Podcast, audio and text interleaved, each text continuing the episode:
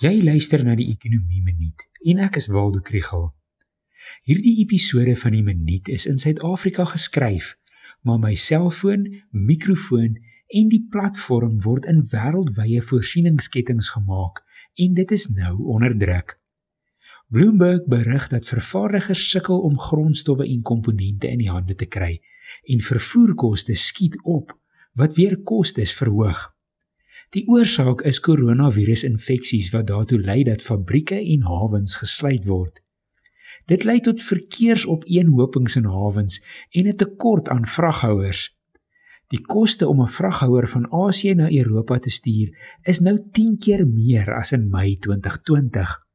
Die koste van vervoer vanaf Shanghai na Los Angeles het sesvoudig gestyg.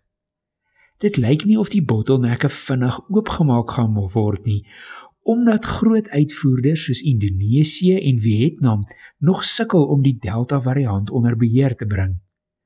Hoër kostes lei tot prysstygings en dit kan 'n meer algemene inflasieproses aanvuur. Aan die ander kant is kleinhandelaars bekommerd of hulle iets op die rakke sal hê vir Kersfees.